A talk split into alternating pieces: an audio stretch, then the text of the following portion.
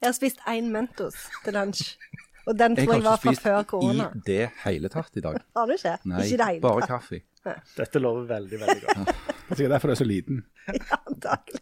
En Mentos for deg, det er jo som Det er jo som å spise halvannen for oss. Du buler jo noe kolossalt på midten nå fordi at Mentosen har ramla ned i magen, så nå har du en voldsom mest mulig gravid ut. Hvis vi gir deg en Cola Light nå, er det sånn at vi får sånn.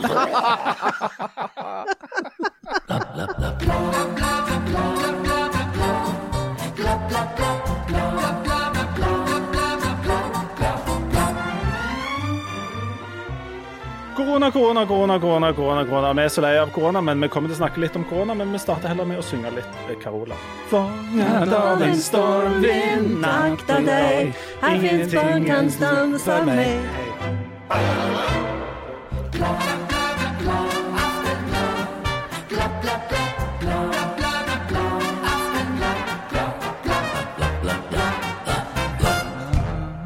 Ikke så støpende, egentlig. Men det er fordi at du, Harald Birkevold, kommentator, ikke har Carola. Eller Jeg har ikke Corolla. Ka, ko, Men du har vært, du har vært og testa deg igjen. Ja, jeg har vært der. Hvor mange ganger har du testa deg? Oh. Du har et slags abonnement, sant? Ja, Uh, jeg tror jeg har testa meg tre eller fire ganger. Jeg har ikke testet meg én en, eneste gang. Og jeg tror jeg er den eneste jeg kjenner som uh, ikke har gjort det. Du kjenner en til nå. annen sa. Har ikke du heller? Nei. Hvordan har dere klart å unngå det? Vi er forsiktige og oppfører oss sånn som vi skal. Jeg følger alle reglene, og så er jeg eh, friske. Ja. Men jeg har hatt sånn, jeg har hatt sånn øh, jeg har, Av og til så føler jeg meg jo ikke helt god. Det, det hender det, ja. Ja. Og, og nå, altså siden 12. mars i fjor, hvis du ikke føler deg helt god, så sier de at da må du gå og teste deg. Og jeg er òg veldig opptatt av dette med å følge regler og sånn. Så hvis jeg ikke føler Nå følte jeg meg ikke helt god, f.eks. fordi jeg hadde tett i nese og litt vondt i hodet og vondt i ryggen. Og sånn tenkte jeg ah, dette så leste jeg, sant, eh, krysser jeg av. Ja, tett i nese, ja, vondt i ryggen, ja det var. Var det, på det, der, det var på det hypokonderskjemaet du, Det var på der. hypokonder.no. Hvordan finner du en hypokonder? Jo, det er en som leser med en masse sånn eh, hva heter det, symptom og kan krysse av for alle. Ja, men nå det sa de jo akkurat at uh, nå er det ekstra viktig at folk går og tester seg hvis de lurer på, for det at nå er det mye smitte rundt forbi. og Det har jo vært mye sånn eh, greier med at uh, det har vært smitte på skolen i Stavanger. Det er det jo fortsatt, mens vi sitter her. Uh, og vi har jo òg i vår familie unger som er elever på skoler hvor det har vært smitte. og Da, da blir det jo litt sånn Du tenker kanskje det er like greit å teste seg, sånn at eh, du får dette ut av verden. Vi skal selvfølgelig snakke mer om korona. som Vi har, gjort en slags idrettsgrein, nemlig å hele tiden love at vi skal snakke mer om korona. og Jeg er jo den eneste i dette rommet som skjønner dette konseptet, men jeg skal prøve å få med meg de andre etter hvert. Men altså, jeg har ikke korona. Nei.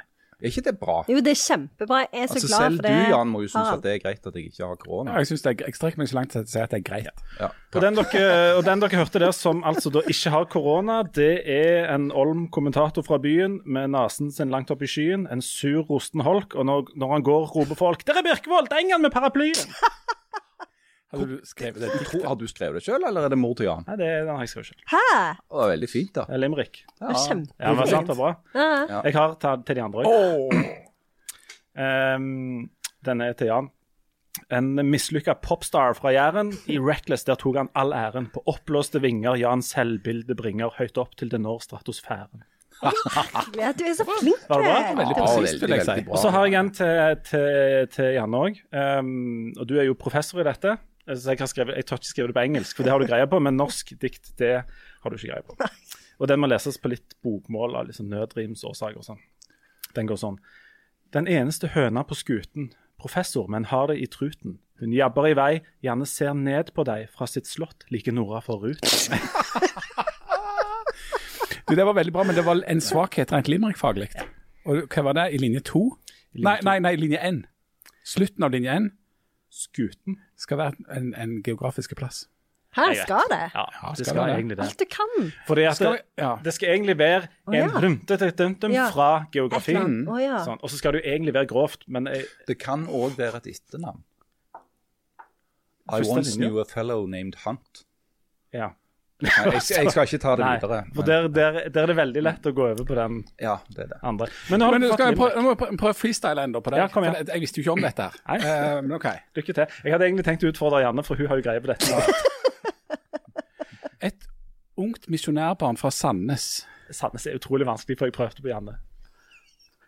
Det er lite som rimer på Sandnes. Um, Ligner ikke var på kjent i ungdommen for å jammes. I gospelband så små Små pikene fikk stå en gang. Nei, nei, nei, Ja. På alle, alle viser så kan du ikke si det. I, I dag kan du vel faktisk Så da la han Oh, I'm not really here. Det eneste gita- gitaren Jan, jeg Da han ikke du kommer mantes, tilbake ja. til dette. Det, det, det. Altså, sånn på, Til å være helt på direkten, så var det ikke så verst. Nei, det var ikke det. Men når vi først, Jan. når vi først er inne på dette, uh, Jan, så har vi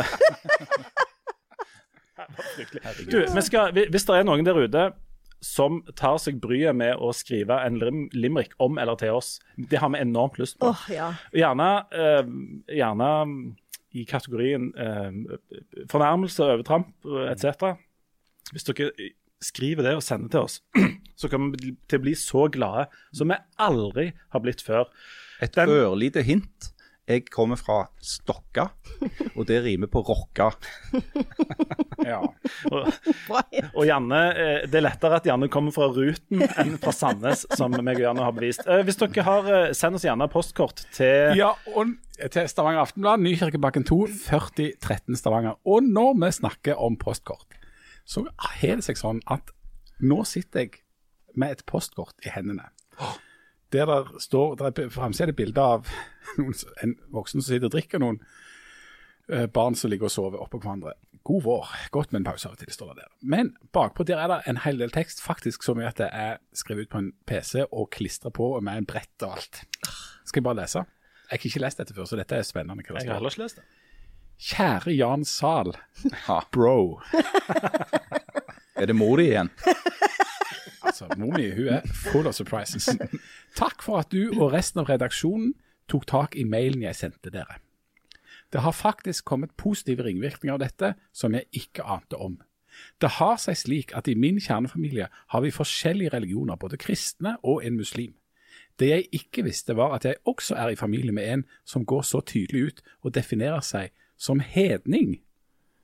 Partiet Sentrum er et livssynsåpent parti, og har som mål at barrierer mellom ulike livssyn skal brytes ned for å skape tillit mellom mennesker og hindre utenforskap. Hedningen i min utvidede familie er selveste Jan Zahl. Ikke visste jeg at vi er tremenninger. Hæ? Dette visste jo ikke jeg heller. Her, altså, jeg, driver jo og utvider familien I alle dager. i retning sentrum. Ja. Nydelig. Dette er flott. Ellers vil jeg beklage at postkortet kommer på et utdatert julekort. Eh, det er viktig å ta vare på klimaet, så jeg prøver meg nå på økt fokus på gjenvinning, og kortet ble derfor et julekort 2020 som nok en tante i Sarpsborg skulle hatt, men slik blir det altså ikke. Når det kommer til kallenavnet til Leif Tore, altså folk som har fulgt med Ja. i forrige episode aner jo hvor dette kommer ifra, lå det jo noen premisser til grunn for å avsløre dette. Og De premissene er kanskje ikke oppfylt. Nei, ok, men- men jeg kan røpe at det dreier seg om noe som er spiselig, og som er søtt. Håper at vi høres. Med vennlig hilsen Maria H. Lund. Som Godteposen fra Hommersåk, f.eks. Maria er da eh, listetopp for sentrum i Rogaland. ja, Partiet Sentrum. ja, og, og, og fortalt, kunne fortelle oss i forrige eh, postsending at eh, at godteposten Leif Tore Linde hadde voldsomt draget i misjonsmiljøet, mis- eh, gospelmiljøet på Sandnes på 90-tallet, men han, og han hadde et kallenavn. Vi vet altså ikke hva kallenavnet er, men det er noe som er spiselig. Det er søtt. Altså Godtepose er jo bra, Ja. eh, men det kan ikke ha noe, det kan ikke ha noen banan. Nei, og jeg må, jeg må bare få av, avkrefte med en gang Bananklassen. Ja. Skum, skum, skumbananen. Skumbananen. Kvikk Lunsjen. Eh, sj- sjokolade... Nei, nei. Herlighet! Dette er ikke Nei, Jeg elsker dette. jeg. Tenk det at jeg har fått en tremenning i sentrum. Ja, på er topp av lista. Det er godt dere skal stemme på det partiet. Dere som har lovt det. Men du, du har altså en masse sånne ukjente trimeldinger i det lavkirkelige miljøet. Sånn er det med oss hedninger. Ja. Ja, du er på, på, på den måten er du kringsatt av fiender, som det heter i salmene. Akkurat. Um, OK, vi kommer ikke til, til bunns i dette mysteriet om dette Vi kommer til bunns i det mysteriet til slutt. Men altså den som Men jeg vet, skjønner ikke hva slags premisser som må bli Premisset var jo at, at du ville at du skulle snakke om, på ramme alvor om politikken til sentrum. Å ja. Jeg bare lær og lær. Det kan jo være at når vi, når vi, kom, når vi nærmer oss valget og vi er ferdige med å snakke mer om korona, at det dukker opp noe politikk. Men uh... Det kan jo også være at latteren til Jan setter seg i halsen og det viser seg at, eh, at eh, sentrum seiler opp som en slags outsider i rogalandspolitikken. når de ligger på 36,9 36,9 og jeg må tatovere meg, og alt det Å, ser svart ut. For meg er dette en vinn-vinn-vinn-vinn-situasjon. Altså Om de seiler opp og får inn noen, betyr det at jeg får pizza, og at du får en tatovering på låret, Harald. Og så kan jeg bare le enda mer. Mette da på god pizza forhåpentligvis. Ja. Ja, det, er- det er faktisk sånn. Jeg, eh, og og eh, vi må jo si det, det er vel knapt noen som har gjort mer for sentrum enn det vi har gjort, sånn samla sett. Det sier vel mest om noen. Og jeg gleder meg også til denne, at, at eh, Geir Lippestad og eh, sønnen til Kjell Magne Bondevik Bondevik skal komme syklende over fra Oslo for å lage pizza. Det ser jeg faktisk Det fram til. kommer til å være helt nydelig. Du, med et par småting til før vi snakker mer om korona. Um, jeg fikk et spørsmål her en dag fra noen som hadde hørt om dette synkehullet i hagen til Å, herregud. Ja, og der, eh, For det første var det om det var noe oppdatering, og så var det et spørsmål fra ei hun skal få lov å være anonyme, som lurte på om det var mulig å komme på besøk i hagen din og bare stille seg i det synkehullet og bare forsvinne fra jordens overflate. Det kan jeg bekrefte. Det er bare å komme. Ja. Men hvordan går det med dette synkehullet? Nei, eh, nå, nå var jeg ute, jeg var ute og feide gata. Eh, As you do. As you do når det er år, ikke sant? Altså, så, ser jeg jo at det blir jo bare større og større. Det, jeg, jeg er bekymra. Altså, etter at han eh, takstmannen var på besøk og bare lo av meg, eh, så, så syns jeg jo det er flaut òg. Altså, det, det er som å ha å være hypokonder på vegne av, av hagen, da. Og moder jord? på en Og mo ja, altså, for det, jeg er fortsatt overbevist om at det, det synker som bare faen der ute. Men hvor stort er dette hullet? Nei, det er vanskelig. Det det er jo underjordisk. ikke Ja, men sant? er det liksom altså, hvor- men hvor- det manifesterer seg jo da Ja. i, i, form av et, et voldsomme innsynking i asfalten ut forbi. Vi snakker her oh, ja. krysset Hanna Stahls gate, Orknøygata. Der er det fornemt der. Husk det hver gang man sier noe sånn radikalt øh, kommunistisk. Men du, jeg har et spørsmål ifra, dette, ifra fysikkens verden, eller Ja. fysikkens lover. For hvis det stemmer, noe jeg jo ikke har grunn til å tvile på, at det skjer ting med, med eh, si, vann og en del materialer, og, altså jord, materie og sånt, når det fryser, altså at det trekker seg sammen, så skulle du jo trodd at det skjedde det motsatte når det da tinte, altså at det på en måte kom Nei, tilbake nei. til sin opprinnelige form. Og det er det jeg synes er så merkelig, for det er ikke sånn at fordi at det er frost, så blir det synkehull rundt omkring overalt. Og så i det øyeblikket det tines, så så blupp, går det opp igjen. Og hvis det blir kjempevarmt, så kunne det kanskje blitt ei boble eller en liten haug. Nei, altså det som han, han, han som var og lo av meg sa, det var at når, når sånne ting skjer, og bakken fryser, så hender det at steiner begynner å flytte på seg. og liksom Stein som lå horisontalt, kan nå plutselig stå vertikalt, eller omvendt. Og at det da, når bakken da eh, roer seg ned etter at det har tint, så kan det være at han er annerledes enn han var før. Men skjer dette hvert år hver gang det er frost? For da er det jo veldig Ja, rart at det, vært, det, var, det var jo fordi det var så jækla kaldt i, i januar-februar. Eh, så var det jo over en halv meter tele, kanskje mer oppi en meter på Nord-Jæren. Og det er det jo vanligvis ikke. Men Så, Eh, men, men uansett, altså. Det, det, det er noe som skjer. Og hvis hun har lyst til å komme og stå nedi der, så må hun bare gjøre det. ja, altså, hun hadde bare lyst å på en måte synke den. Du vet, Av og til så vil hun ha et sånt sort hull bare Og synke i jorden. Ja. Ja, men Og- hun kan komme og gjøre det hos meg. Ja, dette, dette var i et øyeblikk der, eh, der Hun trenger ikke ringe på eller noe. Hun kan bare gå ut i hagen og synke. Og stille seg der. Ja, ja. Det blir så løy hvis det nå blir sånn at i Birkevolds hjem så driver det og står fremmede folk ute i hagen i et hull der, bare helt for seg Bare, selv. stå, det er bare noen meter ned forbi den der svære røde krukka som står ute i plenen. Ok, Der kan du være. Der er det fritt fram å stille seg. stå der. Så kan det være at jorda sluker dere. Dette, dette var et menneske som eh, ble satt i sin ventekarantene nummer to. Ja, riktig. Men vi skal altså snakke mer om korona senere, for å gjenta det. En liten ting til før vi snakker mer om korona. Du Janne har hatt bursdag. Ja. ja. Og selv om du har hatt bursdag, du er jo fremdeles Norges yngste professor. Ikke sant? Give or take. Ja, eh, eh, Gikk det greit med den? Ble det feira på verdig vis? Ja, jeg er veldig godt fornøyd. Eh, jeg følger fyller jo ofte året i påsken, så i barndommen så ble jo min bursdag ofte glemt. Overskygge av Jesus? Ja, ja det, det er klassisk. Trolig, det vet jeg alt om. ja. Så, så i år, ingen påske. Eh, alle hadde god tid til å forberede eh, festivitas, eh, og jeg er veldig godt fornøyd. Men gjorde Det de jeg er veldig spent på nå, det er hva for en sang sang naboene når de stilte opp Det var ingen utenfor på en overraskelse? ikke, det var jo ikke så bra Hva slags nabo er det du har? Det var jo ikke så bra eh, bursdag som Jan sin, for det, Jan er jo mye mer populær både innad i familien og i Og i nabolaget. nabolaget. Ja, Med god grunn. ja. Så, men, eh, men ut ifra premisset, da, eh, og, så, så er jeg veldig godt fornøyd. Hva for en dato er det du har bursdag? 12. april. Det tror jeg Jeg er ikke helt 100 sikker, men jeg tror det er den vanligste bursdagen. Ja, jeg tror det er veldig vanlig, for det er jo ser, hvis du går inn på Facebook, så er det liksom en haug med folk. Og dere vet hvorfor. Hvorfor? Det sier jo seg sjøl. Det er fordi at Det er eh, ni måneder etter sommerferien, Ja. og da holder folk på som kaniner. Mm. det er siste dagen av fellesferien. Kom her, vi må Ja. Og lagt i. Jeg, jeg er jo født 5. april, um, Ja. men jeg er resultatet av et, et, et, et utrolig kort svangerskap. For mine foreldre gifta seg eh, bare seks måneder før, faktisk. Nei. Ja. Det sånn, hender det på Jæren at det blir veldig, veldig korte I svangerskap. Så sånn sett er jeg et, et slags under. I våre kristelige miljøer så skjedde jo det stadig at folk fikk eh, Folk var gravide, og så etter de hadde gifta seg, og så ble det en voldsom forbønn. Og når ungen kom ut fem måneder for tidlig, så var han fullt utvokst. Det er et herrens mirakel. Det er er herrens underet skjedd igjen. Ja. Du, når Det er du, godt å se. når du, ja, ikke sant? Når du hadde bursdag, Anne, så um, Du, kan jeg bare spørre meg, Ja. Dette med at du ikke er fullt utvokst ennå jeg? Hva er det med det? Fy søren. Du er så slem! Du er så slem, Jan! Det bare Aldri er sier du noe fint til meg. Jeg syns du er fin selv om du er liten. Ja. Og så skal det sies sånn at folk som er halvannen gang utvokst, bør egentlig bare holde kjeft. Det er veldig Vi driver med framsnakking av hverandre her i dette programmet. Det er i hvert fall sånn positiv framsnakkingspodkast. Det skal vi ha. Men når du gjerne fylte året, så var det sånn Og at nå koser du deg sånn at du har til og med har lagt bein på bordet. Yep. Så fornøyd. Beklager. når du fylte året, så Jeg, jeg driver ikke og gratulerer folk så voldsomt på Facebook. Men eh, det hender at jeg sender folk en tekstmelding.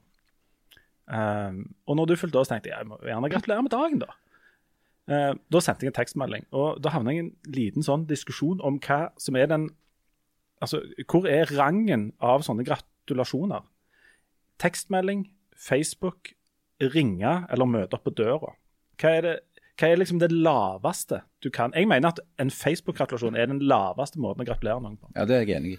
Men det kommer også an på, på eh, Facebook-gratulasjon. For det aller laveste er jo at du skriver 'gratulerer' eller Ja. 'gratulerer med dagen'. Eller gralla eller GMD. Ja, for det, det, det, det er liksom er, sånn bare minimum Ja. eh, greier. Men så eh, merket jeg selv når jeg satt og gikk gjennom dette, at det er jo noen som har liksom gjort seg mer føre, da. Som har skrevet en lengre tekst, f.eks., der, det- der det ser ut som de har tenkt på at det var deg som fylte året. Um, og så er det noen som hadde lagt ut, for første gang uh, skjedde dette, bildet ifra livet vårt tidligere. Som var litt sånn nye og sånn gledelige ting. Som i seg selv på en måte skapte litt sånn engasjement og minne. og sånn som dette. Så det var det er på en måte step up. Ja, Rangerer du det over en tekstmelding? Um, i, ja, det er vanskelig å si, altså. Jeg syns tekstmelding kommer kanskje hakket eh, Nei, jeg tror kanskje hvis du gjør det personlig og har et bilde, eller kanskje en gif Giffer liker jeg veldig godt. Veldig godt ja. Så, eh, eller et lite dikt, eller noe sånt. Da er det Av Ted. Hva sa du? Av Ted Huge. Ja, av Ted Huge. Da er det veldig, veldig høyt. Men jeg tror etter det, eller kanskje på lik linje med det, så kommer tekstmelding. Eh, eller melding på eller sånn, en eller annen personlig melding, da. Men jeg vet ikke om dere har det sånn. eh, For det at nå har jeg såpass mange såkalte venner på Facebook, mange tusen, at hver dag så får jeg opp en sånn liste over folk som har bursdag i dag. Og så sitter du der og vurderer hvem skal jeg gidde å skrive eh, noe til. Gjør dere òg det? Ja, absolutt. Hvor går grensa, liksom? Eh, for, for meg, det, jeg syns det er vanskelig, altså. Ja, For jeg, jeg tenker kanskje enten så bør du ha truffet de, sånn at du i hvert fall vet hvem de er, eh, eller at du bør ha korrespondert med de på eh, et, et eller annet vis, via Messenger eller noe. Så hvis det er noen som jeg verken har møtt eller korrespondert med, så pleier jeg ikke å, og gratulere. Men kan, men kan du ta liksom vennelista di, og så er det gjerne Det er jo gjerne en eh, femti som fyller året hver dag. Ja, Så plukker du Særlig ut på denne tida Ja, av det der av fellesferien og, og ekteskap som skal reddes. Ja. Men er det um, Plukker du ut og tenker han ja, hun nei. ja, Du gjør det. jeg gjør det. Får du ikke dårlig samvittighet inni deg for at du liker noen bedre enn andre? da? Jeg er død inni meg. Det er jo òg en måte å løse det på. I'm Dead inside. Men av og til så kan du bli litt skuffa hvis det er noen som du tror at du har et ganske godt forhold med, og så skriver de gjerne bare 'gratulerer med dagen'. Da blir jeg litt lei meg. Mens hvis det er noen som jeg ikke har forventa å få melding fra, og de sender melding, da blir jeg veldig glad. Så det, kommer veldig an på hva forhold du har til den personen. Mm. Men det er jo veldig Du kommer jo ikke For du kan jo For jeg tenker sånn Ah, Facebook. pff. Men så når det blir bursdag, og du får masse hyggelige meldinger på Facebook, så er det jo veldig kjekt. Ja, jeg Ja. hører folk si det. At det er sånn 'Å, det er så kjekt å ha bursdag på Facebook'. Uh, ja, jo, jo. Ja, det er ikke det, er ikke det kjekke Det er ikke så kjekt som at naboene kommer og synger for deg, sånn som de gjorde med Jan. Men, hva- det er veldig kjekt. Når, når du hadde bursdag, var det noen som la litt ekstra i det? Ja. Var det det? Mm. Dine nærmeste, håper jeg. Vil du fortelle om det? Nei? Men det? OK. Men det er ikke sånn at om ni Nei. Det er jo erotikkens år, Ja, det- må vi huske på. Husk at det er erotikkens år. Mm. OK. Um, ja. Uh, skal vi da uh, hoppe eh, videre på, på Skal vi snakke om mer korona nå? Eller skal vi, skal vi ta en liten ting til før Ja, vi snakker mer om korona? Ja. Um, Janne, du insisterer på at vi må nevne denne prins Philip. Jeg skjønner ikke hvorfor vi ikke skal ta opp det. Sånn Jan sier at det er for lenge siden at det skjedde. Han var jo 10 000 år gammel, og så er det jo kjempelenge siden han døde, og alle har snakket om det nå. Så Det er jo hva er mange- for noe nytt av det å si om, om prins Philip nå? Nei, jeg vet ikke, det er jo mye gøy rundt dette her. Det er jo mange på TikTok som mener at de drepte han fordi nå, at nå, må, nå må du spole. Mange på TikTok. Han visste for mye. Hva er det du holder på med? Jeg trodde du leste essaysamlinger på engelsk. Du holder ikke på på TikTok. Nei, men, men jeg, jeg, jeg sa det til ungene mine sånn, når prins Philip døde, så de sånn Ja, vi har sett det fordi alle på TikTok tror at de drepte han fordi alle har vært sånn Jeg, jeg lærte, lærte forleden dag at prins Philip er en gud på Vanuatu. Er han det? Ja, den øy- øystat i Stillehavet. Der er han faktisk en eh, altså bona fide, ekte gud. Um, så han er på en måte, han er død, men han, er, han lever fortsatt på toppen av et fjell på, på Vanuatu, da, Men og er gud. hvem er disse? Altså, hva skulle være motivasjonen for å ta livet av denne forholdsvis eh, voksne mannen? Jeg tror, tror, På TikTok? TikTok. tror det hadde å gjøre med det der bildet som ble tatt av han i bilen når han var på vei fra sykehuset. Ja, da så han ikke så god ut. Han ligner veldig på keiseren i Star Wars. Så alle sånn, nå må prins Philip dø. Så tror jeg alle mener at de tenkte nå må prins Philip dø, og så døde han. Så det er sånn oh my god, I killed prins Philip. Så, du har en, en mann på 99 som kjøres til, til sykehus fordi han ser litt ring ut, og så blir folk overrasket over at han er død. Ja, Det er veldig gøy. Og så så jeg at BBC hadde jo fått uh, sånn klagestorm. Det er ekte løye. Ja, det er gøy. Og de oppretta egen side for å klage på uh, dekningen, overdekning av prinsippet, Altså egen klageside på, hos BBC for BBC sin overdekning av prins Philip. Og en god del av de klagene som har kommet inn der, det var klager på at de hadde brukt ressurser på å lage en egen klageside for å klage på BBC sin dekning av prins Philip. Wow. Det er så mange lag der at det mest ligner et dikt Ikke engang Kringkastingsrådet i Norge hadde klart eh, å gjennomføre et sånt krumsprang. By the way, så Ted Huge var jo sånn Han var jo Han var eh, sånn hoffpoet. Ja, Poet Laureate. Så han skrev jo dikt hver gang det skjedde et eller annet stort eller lite i eh, den kongelige familien. Og så synd at vi ikke er Ted Huge her nå. Men, Men, Og da fikk han Men han fikk eh, eh, Du får jo ikke lønn eh, som Poet Laureate, så du får en sånn en kasse med portvin fra dronningens eh, eget lager. Så du er egentlig en sånn, sånn litt sånn glorifiserte leilighetsdikter Ja. når du er eh, poet laureate. Var det sånn at de ringte til og sa Ted, vi trenger en limerick til, til Philippen, for nå blir han 200 år? Og så gjorde han det? Ja, Ted sånn, kan skynde det. Og så gjorde han det. Du ble født i Bhutan, egentlig.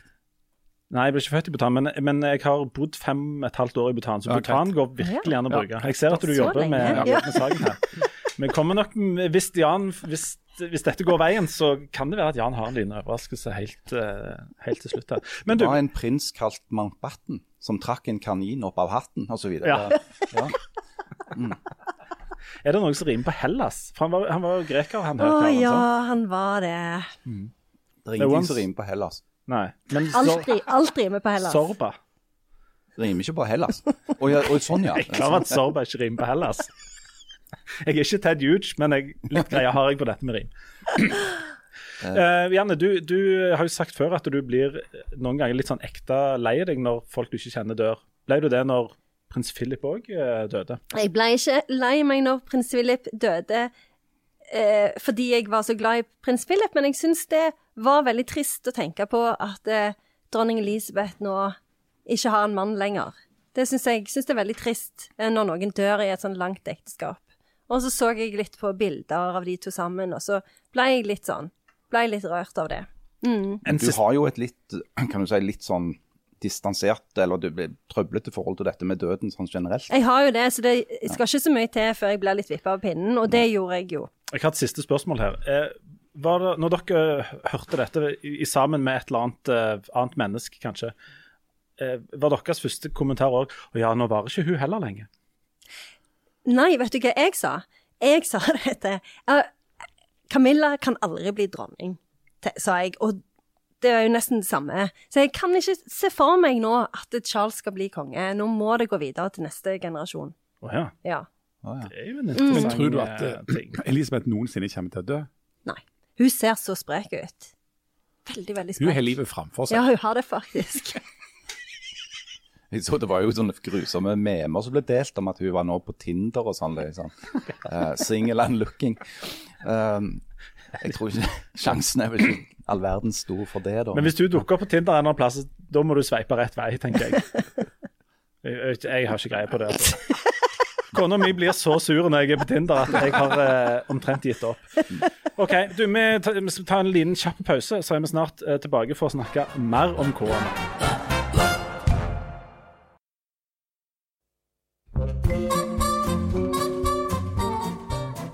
Hjertelig velkommen tilbake til Aftenbladet. Nå skal vi, som lovt, ganske lenge snakke mer om korona. Eh, vi er jo nå i den situasjonen akkurat nå at eh, Erna hadde en eh, flott pressekonferanse om at alt skulle Nå skal vi åpne opp og sånt. Ehm, samtidig som vi på Nord-Jæren ikke skal åpne opp noe som helst. Vi skal helst stenge litt mer ned. eh, og vi er i eh, vaksinetrøbbel og både det ene og det andre. Eh, hvor skal vi begynne hen, Jan? Ja, Vi skal begynne med at det er litt sånn skuff på skuff på Ja. dette her. altså. At uh, Hele tida så tror vi at ja, nå, nå skal det gi seg. Um, så det var jo en slags optimisme her i området òg, vel, fram til for ei uke siden, om at, uh, at det skulle komme seg. Men nå, nå på dette tidspunktet, så er plutselig altså smittetallet på Nord-Jæren gått opp etter at de har vært egentlig eh, ganske lave ganske lenge. Så for en gangs skyld så er det sånn at det åpnes opp i andre deler av landet, men det åpnes ikke opp her, så vi må leve under et litt strengere regime. Og det er jo dårlige nyheter at Johnson Johnson-vaksinen er satt på stopp i eh, Europa, fordi at seks av de rundt sju millionene som har fått den vaksinen, har fått blodpropp. Hvor stor prosent var det det ble? Eh, avdekket? 0,00006 prosent. Ja. Er det en rimelig prosent risiko for blodpropp til å stoppe en hel vaksine? Som- Nei, jeg, altså, spør du meg, så er det jo ikke det. Uh, dette handler sikkert om at Johnson Johnson Johnson Johnson er litt bekymra for aksjekursen sin. Og har lyst til å på en måte vise at de tar ting på alvor. Uh, og så gjør de dette nærmest som en slags sånn der skadeforebyggende tiltak. Uh, konsekvensen av det, det ble jo litt, nesten litt sånn komisk. For det at Erna synes jeg fall hadde kanskje tatt litt vel mye tran når hun valgte å, å innlede pressekonferansen med at nå starter gjenåpningen. Eh, gjenåpning og gjenåpning, fru Blom. Altså De skulle reversere de ekstraordinære tiltakene som ble satt inn i Norge før påske. Eh, det var liksom begynnelsen på gjenåpningen. og så Bare noen timer etterpå så kom denne dårlige nyheten fra USA. I tillegg til at AstraZeneca nå er jo stoppa, så kan jo det bety at det norske vaksineprogrammet blir utsatt i ja, 10 uker, 14 uker. Ingen vet helt sikkert. Og så er det jo sånn at Fordi det da er fremdeles høyt smittetrykk rundt omkring mange plasser i landet, så er jo denne gradvise åpningen den er eh, veldig selektiv. Det er ikke mm, på langt nær eh, hele Norge som er i ferd med å eh, altså verken gjenåpne eller i hvert fall å komme tilbake til det litt mindre strengere. Sånn at Borte i Oslo og Viken så er det jo akkurat likt som før, og her er det akkurat likt som før og litt strengere. Siden skolene nå for første gang eh, i, i Stavanger går på rødt nivå, som da fører til at folk vil måtte være hjemme med ungene, og unger er på hjemmeskole i langt større grad. Og, ja, så Og det, samme, og det samme med barnehagen. og Varselet der er at vi skal holde på med dette til 30. april, altså i to uker framover. Ja. Så hvis du kobler det opp mot den eh, optimismen som var rundt jul, når vi visste at ok, nå er vaksinene godkjent, nå lysner det, og så går det altså fire måneder til på enda strengere tiltak enn det var egentlig hele høsten. Ja, altså Hvis det er noe vi bør ha lært nå etter over et år med dette her jævelskapen, så er det jo at eh, Så, så i Bergen nå for eksempel, så er de kjempeglade For det at nå kan de kanskje starte med litt uh, utepils ikke sant? og litt sånn forsiktig oppmyking. Folk er kjempeglade, og med god grunn. Folk er jo drittlei av dette her. Men det skal bare altså én kneppskalle til som har uh, fest ikke sant? med, med 30-40 deltakere som går ut og etterpå har seg med vilt fremmede og går på treningssenter og jobb og sånn. Så har du det gående igjen, og så stenger de ned på ny. Altså, det, hvis det er én ting vi har lært, så er det at denne situasjonen, inntil tilstrekkelig mange er vaksinerte, kommer til å fortsette å være ustabile. Det, det sier seg sjøl. Så Derfor er dette denne nyheten om at vaksineutrullingen, som de kaller det, blir, uh, blir ramma, en enormt dårlig nyhet. Skal ikke vi bli for sånn tekniske når det gjelder dette med vaksiner, men nå er det jo òg en ny diskusjon på om en skal utsette denne andre dosen av vaksinen, sånn at flest mulig skal få én dose.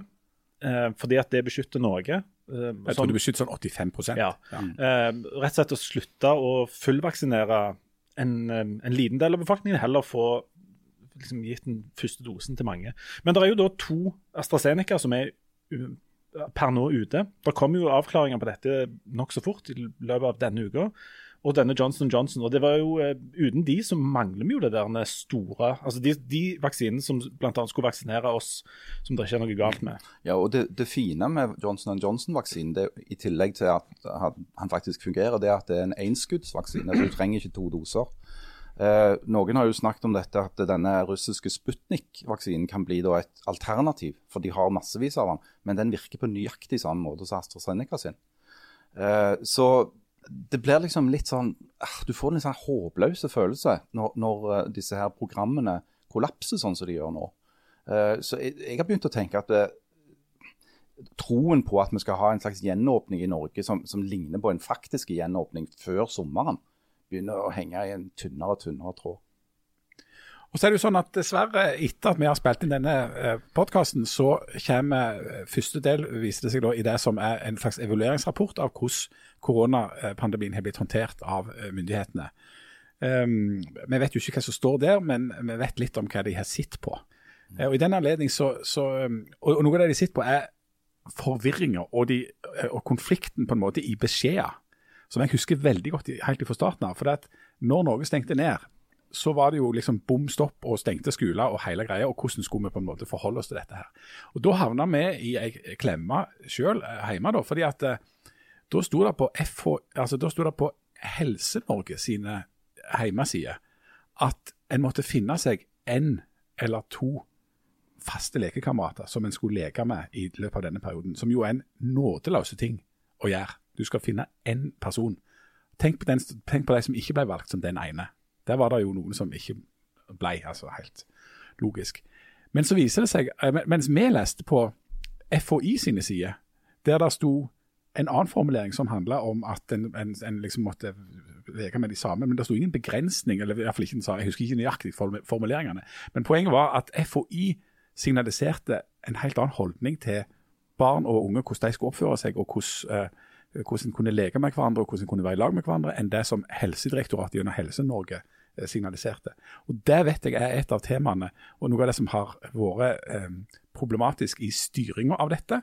At du har et fagmiljø og Helsedirektorat som har vært i som har vært dårlig samsnakket, og som til dels har vært i konflikt. og Det har ført til eh, tiltak som har vært sånn delvis eh, altså godt forankra, og en enorm forvirring for oss vanlige folk som skal prøve å navigere i dette.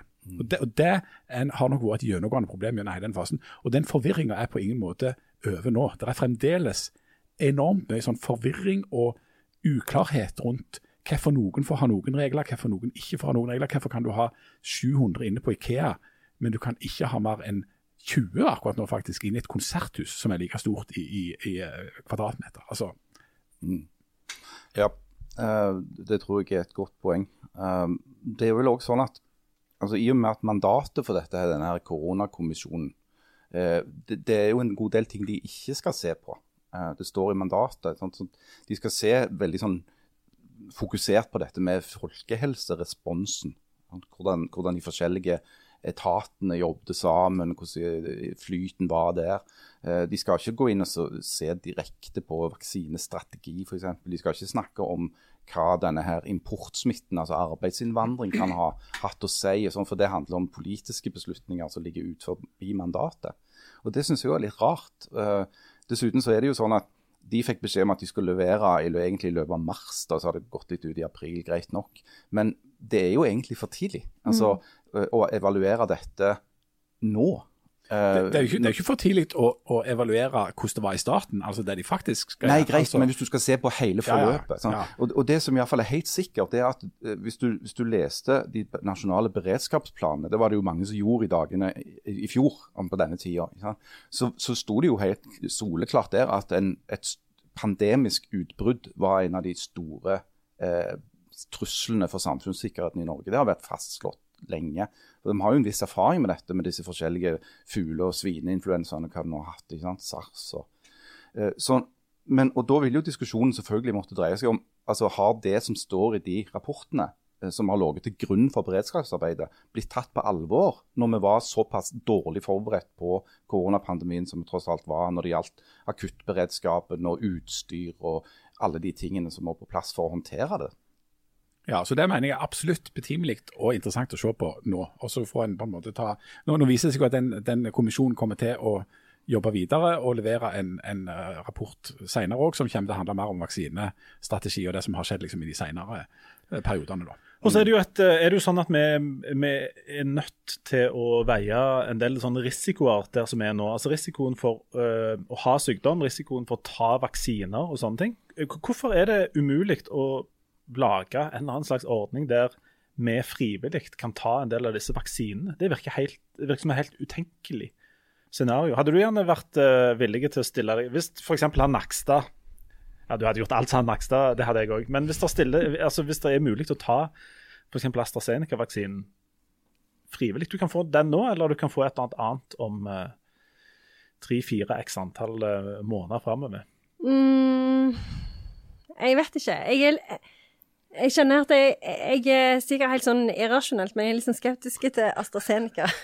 ok, hvis vi kaller det pga. navnet. Men alle de andre hadde jeg tatt. Ja. ja, ja. Vet om det kan ha noe med at AstraZeneca har hatt en litt sånn uheldig markedsføringsperiode akkurat ja. de siste ukene. jeg følger jo veldig mye på sånn forbrukerundersøkelser og sånn. Ja, de ligger, ligger litt sånn på bånn. Da skårer de veldig dårlig. men, men uh, det, vi har jo masse vaksiner som virker, men de har noen bivirkninger som er som gjør at dette blir veldig vanskelig. Er det helt utenkelig at um, en frivillig kan ta disse vaksinene? Jeg syns tanken er interessant personlig, at du kunne fått et valg. Vil du ha denne nå, eller uh, noe annet senere? Men jeg er helt sikker på at det er en masse sånne finjuridiske fallgruver de kan gå i der, da, med, med ansvaret for dette hvis det da skulle skje noe osv.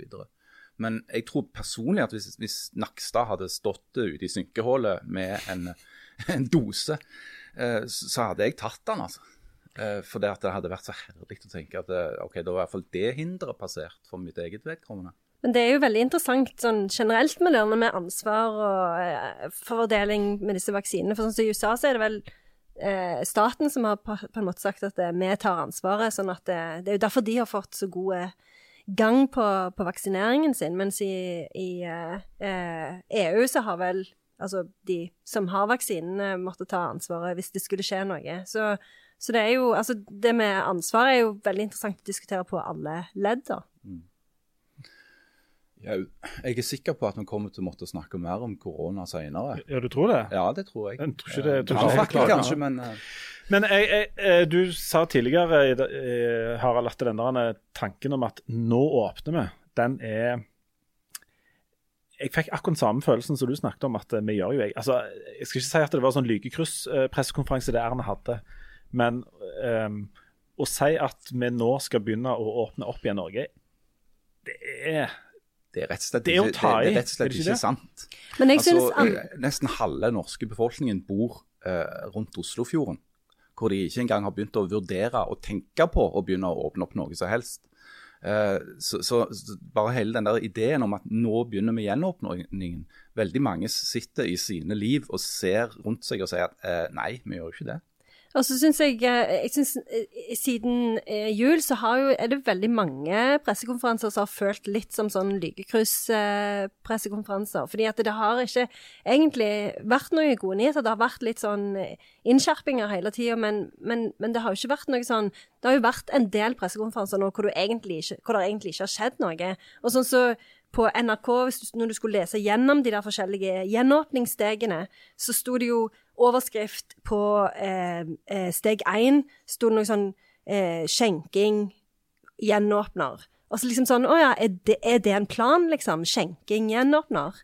Det er i hvert fall en veldig sånn vag og litt sånn dårlig plan som betyr null for mitt liv. For du har, du har ikke stengt skjenkingen? Jeg drikker jo hjemme hele tida. Det er jo null altså, stress. Men, men, men når, du snakker, når, du snakker, om lykekryss-pressekonferanse, kan jeg få bringe inn uh, det som jeg da har utnevnt til tidenes kulturpolitiske skandale. Ja, det syns jeg vi skal. Ja, fordi at den 19. januar så gikk kulturminister Abid Raja på talerstolen eh, på, på, på pressekonferanse i Oslo og gjentok det som han har sagt mange mange ganger, at det er ekstremt viktig at selv om det er strenge koronatiltak, så må kulturlivet gjøre så godt de kan i å planlegge og gjennomføre arrangement.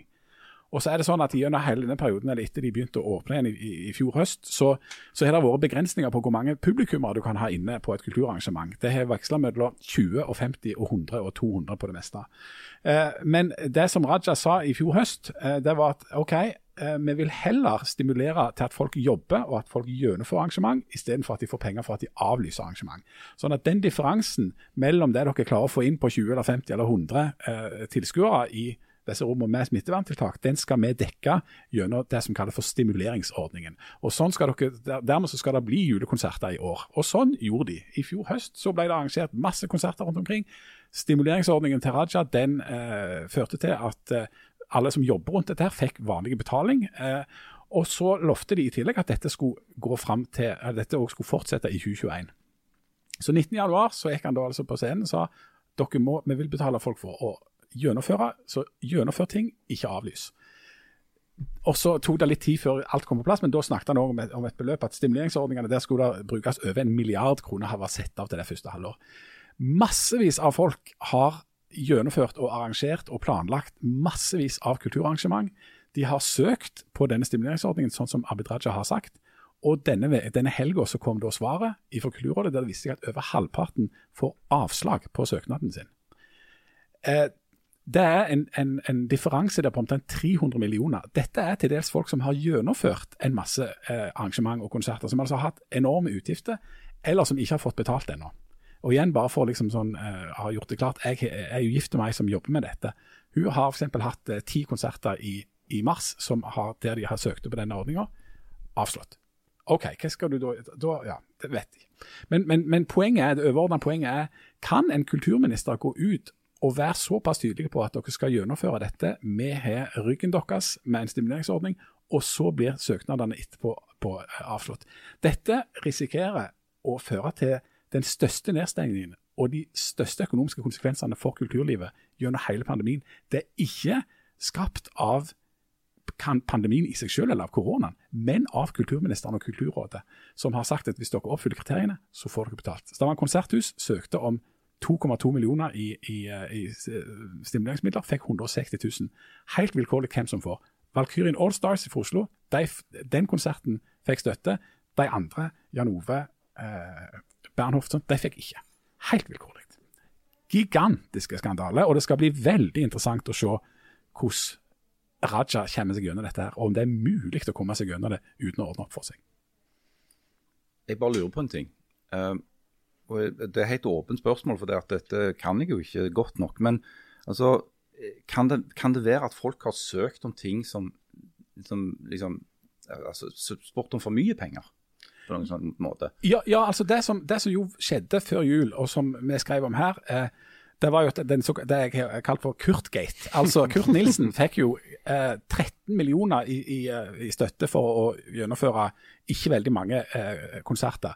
Ja. Sånn at i den nye ordningen så er det satt begrensninger på hvor mye honorar det er mulig å gi til eh, artister. Sånn, for å sikre at, det, at, at, ikke, at, staten ikke betaler ut liksom, millioner i ren lønn til populære artister som ikke kan fylle eh, DNB Arena. Sånn at det, det er det endra på. og Søkerne har også fått beskjed om at de må på en måte skru ned og lage realistiske budsjett på dette. Sånn at, at de kriteriene ligger der som krav til søkerne. Men kan det hende at noen av disse her uh, budsjettene har vært urealistiske? For når jeg leste den lista over hvem som hadde fått og ikke fått, så var det jo mange bare sånne bedriftsnavn. sant? Mm. Altså Konsert AS. De hadde en haug med forskjellige søknader inne som hadde blitt avslått. Og derfor dette er management eller bookingbyrå eller, eller, produsent eller arrangør av konserter. For de fleste konserter f.eks. i Stavanger konserthus, eh, eller vet ikke, ikke prosenten på det, men, men, veldig mange av de foregår sånn at en arrangør leier eh, konserthuset og har på en måte risiko og ansvar for dette, betaler husleie der, og så må de selge ut billettene. og så eh, så er det på en måte arrangøren som, som, står ansvarlig, og som får inntektene på det. sant? Men Da bærer du òg risikoen. Sånn at Det finnes masse sånne, sånne bookingbyråer. Altså det er sånn kulturbransjen fungerer. da, At det er arrangører og produsenter som står for arrangementer. Eh, og, de, og de, Mange av de sitter nå der og klør seg i hodet forstår ingenting og har tapt millioner. Og det, det, spesielle med dette, det er jo alltid i sånne prosesser noen, som, noen søknader som kommer inn som på et eller annet vis ikke kvalifiserer. Noen, Til og med noen som sikkert prøver til å lure til seg penger når på en måte sekken åpnes. Men det, eh, Jeg har jo også skrevet en del om dette, og, og det folk forteller, er jo at den konserten som de arrangerte i november, var det ingen problem med. Så arrangerer de nøyaktig på det samme, bare med et annet navn. Altså, men helt likt arrangement et halvår eller noen måneder etterpå. Og den får de avslag på. Og der er det òg eh, dette elementet med at dere fikk så mye sist at vi kan ikke gi dere nå, som er ganske spesielt. Og um, det interessante med det momentet er at det, var jo ingen, det står det ingenting om i forskriftene. Det, de, det, visste de ingenting om når de søkte. Så det er innført et nytt eh, prinsipp for tildelingene som ingen av søkerne har hørt om. Men er det ikke sånn at den, den, liksom, det mest skandaløse oppi alt det skandaløse her er at Abid Raja av en eller annen grunn gikk ut og, og sa at eh, bare kjør på, dere skal få alt dekka, uansett hva det er. Eh, det hørtes ganske sånn uansvarlig ut eh, for en statsråd å si, uansett om han jobber med kultur eller uh, hun jobber med næringsutvikling eller hva det var. Altså, kjør på, vi betaler for alt. Var det det han sa? Ja, altså det er jo det, det han er sagt. Eh, og, og, og, det er sannsynligvis eh, uansvarlig. Og så har det jo da vært hele tiden veldig sånn dobbeltkommunikasjon. Du snakker meg om forvirrende signal. For signalet fra helsemyndighetene har jo vært at folk bør holde seg hjemme og ikke gå på noen ting. Mens signalet fra Abid Raja og støtteordningene fra Abid Raja har vært at eh, vi må prøve å holde i gang det vi klarer å holde i gang altså innenfor smittevernreglene. Men det har gjort det omtrent umulig å, å, å, gjennomføre arrangement, og det har vært ekstremt vanskelig å selge eh, billetter til det. For eh, Når Erna sier at du skal holde, holde, deg hjemme, så kjøper du heller ikke billett på det som skjer. Men, men, men rett og slett fordi at hans for så vidt gode intensjon om å få folk til allikevel å jobbe innenfor de rammene som finnes. For at kulturlivet er jo, sammen med muligens utelivsnæringa og turistbransjen, de aller hardest ramma uh, i, denne, uh, i dette ja, året. Uten tvil. Ja, uten tvil. Men det har vært veldig mye mindre oppmerksomhet rundt kulturdelen av det. Uh, men, men altså, gode intensjoner og alt det der, gode ordninger, selv om de da kom seint. Men du kan ikke først si noe, og så når det skal gjennomføres, så, så er det ikke det som blir gjennomført. og Det er det som er den store skandalen. Ja, og du merker jo, sånn som så i kontakt med kulturarrangører, liksom konserthus eller bibliotek eller litteraturhus eller hva som helst, så merker du at folk er slitne. For nå har det jo gått i over et år og drevet og prøvd å arrangere ting, og så har de måttet eh, nereskalere, så har de måttet avlyse, så har de måttet flytte. Og, og den der eh, de, de, utspillene til Raja i begynnelsen, de var jo med på å skape en sånn viss entusiasme. Liksom, eh, eh, du fikk liksom satt kulturen eh, på kartet, og kultur er viktig, det må vi fortsette, det er viktig for å få oss gjennom dette. Og nå eh, Det ble arrangert mange sånne alternative ting, men så ble det jo veldig stille fra Raja. Eh, og så eh, ble det jo strengere restriksjoner og alt det der. Så, så, så, nå opplever jo jeg at nå jo Nå blir jo ting bare avlyst. Altså for hver uke som går, så blir jo nye ting for du Janne, er jo ganske ofte deltaker på forskjellige sånne arrangementer. Eh, hvordan fungerer dette for deg nå? Nei, For meg så fungerer det greit, siden jeg jobber jo ikke fulltid med dette. Mm. Men, men, hvis jeg hadde vært en fulltidskulturarbeider sånn som kona til Jan, så hadde jeg jo jeg syntes det var helt umulig. For det skjer jo ingenting nå. Og jeg har gjennom hele våret fått så mange ting som har blitt avlyst. Og nå er det jo mange eh, festivaler som jeg er booka til utover eh, våren og sommeren og høsten, men jeg vet jo ikke om det blir noe av det. Eh, for det er jo helt umulig for de å vite. Og det er jo så umulig når du skal sitte og planlegge et sånt et arrangement, og du ikke vet noen ting, og du har den der litt sånn vage gjenåpningsplanen. Altså hva skal du gjøre med kapittelfestivalen da? Hvem skal du booke? Skal du booke folk fra utlandet? Skal du bare booke folk fra Rogaland? Hva, hva, skal du gjøre? Så det er jo helt umulig, og jeg syns det er synd at, at kulturen ikke har liksom fått en mer sånn altså, Og jeg, jeg har jo enormt mye sympati med, med restaurantnæringen og alt det der, men jeg syns at det er synd at det ikke har vært mer fokus på hvor viktig det er med kulturen, og hvor mye vi risikerer å miste eh, ved at eh, liksom alt bare forsvinner ut. Men Jan, når du, du sier nå, bruker jo relativt store bokstaver om dette her. Ja, og jeg har for... aldri brukt ordet skandale før. Nei. Og det er tidenes skandale òg. Ja, tidenes skandale. Eh, hva har skjedd? Altså, altså, er det noen andre enn deg eh, som sier dette nå? Ja, altså, altså hele, ja, det koker der ute nå. Det ja. koker i bransjen, og dette er et tema i spørretimen i dag. Og det er jo en politisk eh, shitstorm der ute. Dette er jo et valgår i tillegg, altså. Venstre har profilert seg som et sånt mm. kulturvennlig parti. De hadde jo en ekstremt kunnskapsrik kulturminister i Trine Skei Grande. Og så fikk du inn nybegynneren Abid Raja, som har prøvd å feile, må man kunne si. Eh, og da er det så veldig rart å, å feile så kapitalt på oppløpssida. Altså, Venstre har iallfall ikke råd til dette. her, og Jeg kan ikke forstå at Høyre har råd, og at på en måte regjeringa har råd til, til, dette. her. Jeg har fått et nydelig bilde i hodet mitt der hele Kultur-Norge går i sånn fakkeltog. Kurt Nilsen og Morten Abel. Med høygafler og, og, ja, og hun, der han, hun som skriver de, hun trønderen med bøkene. Hun som Ragde. Ragde og et par sånne. Først med fakler, så ber de Abid Raja. Så plasserer de han i det synkehullet til Harald.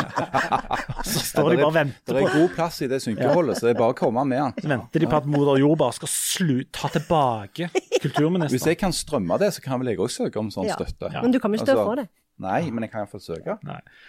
Og Hvis gjerne får eh, avslag på noen av sine søknader, så får du vurdere å selge den søndre tjenerboligen. den er jeg veldig glad i. Ja, ikke sant? All right, men vi begynner nærme, vi nærmer oss eh, slutten. Jan, du eh, har eh, muligens en, en, kort liten epistel om et kjent menneske som du har truffet. Vi har jo forelska oss litt i våre egne historier om sånne ting. Ja, vi, vi har jo hatt den der liksom, kjendisorienterte historien. da. Jeg, ja. Dette, den, dette, er nok en litt sånn annerledes eh, kjendishistorie, og han involverer jo denne kona mi som jeg stadig snakker om. um, men jeg er altså gift med, med ei som heter Britt Snøv Johansen, som da altså synger, er mest kjent for å, å synge pjaff. Um, og så var det sånn at uh, Og, og hun, hun er flott dame som av ubegripelige årsaker da gikk med på å gifte seg med meg. Ja, det er faktisk livets store mysterium. Det må vi kunne si. Dette gjorde vi for, eh, for 16 eh, år siden. Eh, vi gifta oss i, i Dar es Salaam, faktisk, på et seminarkontor der. Via av en landøkonom der, i en romantisk Veldig liten seremoni. Men, men, den sommeren så bestemte vi oss for at vi måtte ha en sånn fest, skikkelig sånn vennefest, for å feire dette her i Oslo, som vi bodde da. Og blant de som, som havna på den festen, eller som kom på den festen, var Linn Skåber. Av alle ting. Eh, eller av alle folk. Eh, som, ja. ja, Hun som var i Nytt på Nytt. Hun som var i Nytt på Nytt. sant? Ja, hun er sånn komiker. Ja, Kjempeløgn dame. Og så var det jo sånt bordsete og, og, mat og drikke og alt det greiene her. Og så eh, reiste altså Linn Skåber seg for å holde tale på denne bryllupsfesten. Um, Til hvem av dere? Nei, ja det var Altså, Kjenner du noen av dere, eller, eller bare, har du bare dukket opp? liksom? Jeg kjente deg ikke. Nei. Eh, så, så, så, så, derfor så, holdt hun en tale til Britt Synnøve. Johansen, som jeg er gift med. Men er dette sånn eh, For det er jo sånn Bill Murray pleier å gjøre. Han pleier jo å dukke opp i sånn bursdager ja. og feiringer og sånn helt sånn uh, uanmeldt. Er det, er det ei greie? Nei, nei, nei, nei, Dere må ha litt tålmodighet, for det er oh, ja, i denne historien. Talen til Linn Skåber i vår bryllupsfest handla om da Linn Skåber skulle føde. Som en jo gjør. As you do. Og jeg har latt meg fortelle, dette vet du sannsynligvis mer om enn meg, Janne, at det i perioder skal være ganske vondt å føde.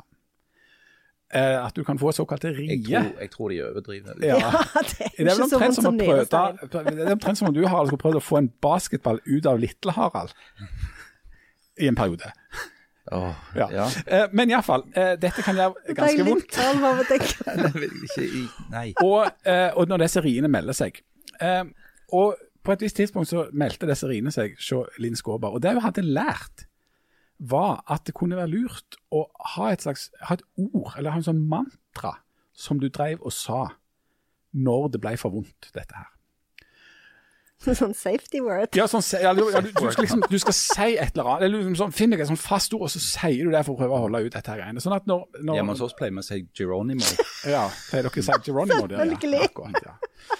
Når han som var far til dette barnet kom hjem eh, i hui og hast fordi at eh, nå hadde eh, fødselsveden og riene meldt seg, så kom han inn. Der sto Linn Skåber og klamra seg til en stol. Og, og, og sa, mens riene herja inn Britt Johansen! Britt Johansen! Britt Johansen! Tingen at Linn Skåber kjente ikke Britt Synnøve Johansen på dette tidspunktet. Hun, hadde, hun likte veldig godt den Piaf-bladet, Piaf på norsk, så hun visste veldig godt hvem Britt Synnøve Johansen var. Men det som ble Linn Skåber sitt mantra gjennom hele fødselen mens det var som vondest, det var at hun brølte ut Britt Synnøve altså, Johansen. Britt Synnøve Johansen er veldig godt ord, eller det er godt å si når du presser, liksom. Ja, det er veldig mye konsonanter der. Det er og langt. Du kan, du kan bruke det, altså det kan brukes veldig, veldig bra. da. Så, så, så, så de kjente ikke hverandre, eller hun visste, de visste hvem hverandre var. på en måte, og så Senere da, så jobbet de i lag på et sånt prosjekt som gjorde at de kjørte mye i lag fram og tilbake mellom Oslo og Drammen, og der ble de kjent, og sånn havna hun på i bryllupsfest hos. Det er en ganske bra Det, kjendishistorie. Det, det jeg det kan en jo prøve når um, Når um, Øh, hva er dette? Nei, jeg kom på plutselig dette, kan, dette kan være et lite tips. Vi snakket om at Nå har han vist meg en, en, en snakket om, En om dette med menn som er gravide. Der fins en veldig flott tegneserie ute på internettet. Hvis du søker på 'Pregnant Man Cartoon'. Den må du vise til de andre, Harald. Den er Den vil jeg ikke se. jo, og den er såkalt humoristisk, men òg veldig, veldig vond å Det er noe på. av det verste jeg har sett. Så jeg, jeg vil anbefale alle å google 'Pregnant Man Cartoon'. Så får du se noen bilder som du Åh, Au. åh, nei og nei. Men altså, det det er jo, det er jo bare tull. Altså, altså, Hvis menn hadde fått barn, så hadde vi jo ordna det der på en helt annen måte. Det er jo noe som heter keisersnitt. Ja. If men had periods. Ja. Men eh, eh, det er jo en av de eh, rareste filmene som kom ut av 80-tallet. Den der filmen hvor Arne Schwarzenegger Ja. blir gravid og får barn. Mm. Hva er den het nå igjen? Jeg husker ikke, men er det kanskje med Danny DeVito? Det er med Danny DeVito. Ja. Med Danny DeVito. Her, kanskje han heter Pregnant Man eller noe sånt? Jeg. Men hvis dere er veldig, veldig sinte eller har behov for å presse ut eh, noe som helst i livet, og, og det står litt fast, Det så, det så veldig vondt ut. så anbefaler jeg å rope Britt Johansen. Så høyt du kan. Janne Stigen Drangsvold kan vel Det har jo ja, ja, ja. fungert kjempebra. Det tror jeg er et veldig bra fødselsord. Ja. Mens Jan, Jan Ja. Jan Zahl, det er mer sånn som du roper ut mot åpna landskap. Ja, det er håpløst. sånn, ja. Det er etter forløsningen. Ja, langt etter forløsningen. Du, da er vi, vi er kommet til forløsningen, eller eh, litt etter. Uh, med mindre du, Jan, har en limerick på å by på nå, så tror jeg vi um, Vet du hva, jeg, altså jeg hadde jo ambisjonen om at jeg nå i, i løpet av uh, dette her skulle, skulle uh, få lagt en ny, men jeg kom ikke lenger enn en skjeggete kar fra Bhutan. Han tulla i vei hele dagen, men så klarte jeg ikke ja, ja. eh. Det var en Men- god start. da. Ja, Kanskje start. noen kan fortsette, Jan Ferdig. Vi vil veldig gjerne ha uh, limericker, um, og gjerne noen som er så Hvis har noen som er såpass at vi kvier oss litt for å lese de opp, så er ekstra glad i det. Uh, Jan, kan ikke du repetere adressen for de som, uh, de som eh, kjenner seg kalla til å by på limericker? Det er Aftenbladet, som er Stavanger Aftenblad, Nykirkebakken 2, 4013 Stavanger. Nydelig. Da er vi tilbake om ei uke, muligens med mer om korona, men kanskje med noe helt annet. Kanskje mer om prins Philip. Kanskje mer om prins Philip. Hvis det viser seg at det er noen muffins med det prins Philip-opplegget på TikTok, så lover Janne å følge den saken veldig tett. Han visste for mye. Han gjør jo det. Det er bare å begynne å grue seg. Det kan være at han lå i den bilen, og så kom der inn noen og skjøt ham, og at han i, rett og slett i ren smerte lå og ropte 'Britt Synnøve Johansen!' Eller Britt Synnøve Johansen. Tusen takk for i dag. Vi snakkes om ei uke. Ha det.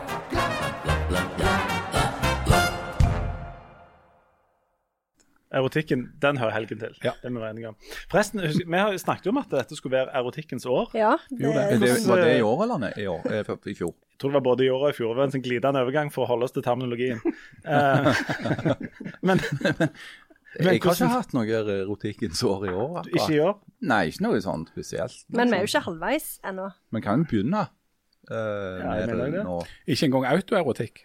Jo, litt. Men det òg begynner å bli mer og mer stress. Så hvorfor skulle du egentlig gidde? Nei, jeg er enig. Det er ikke lagt inn noe sånn veldig kubbe i ovnen. Det, det er fremdeles bare én gang til dagen. Det, er liksom, det, blir ikke, det blir ikke mer. Du blir stående på det Etter morgenmøtet. og stampe. Ja. Ja. Du står og stamper, ja.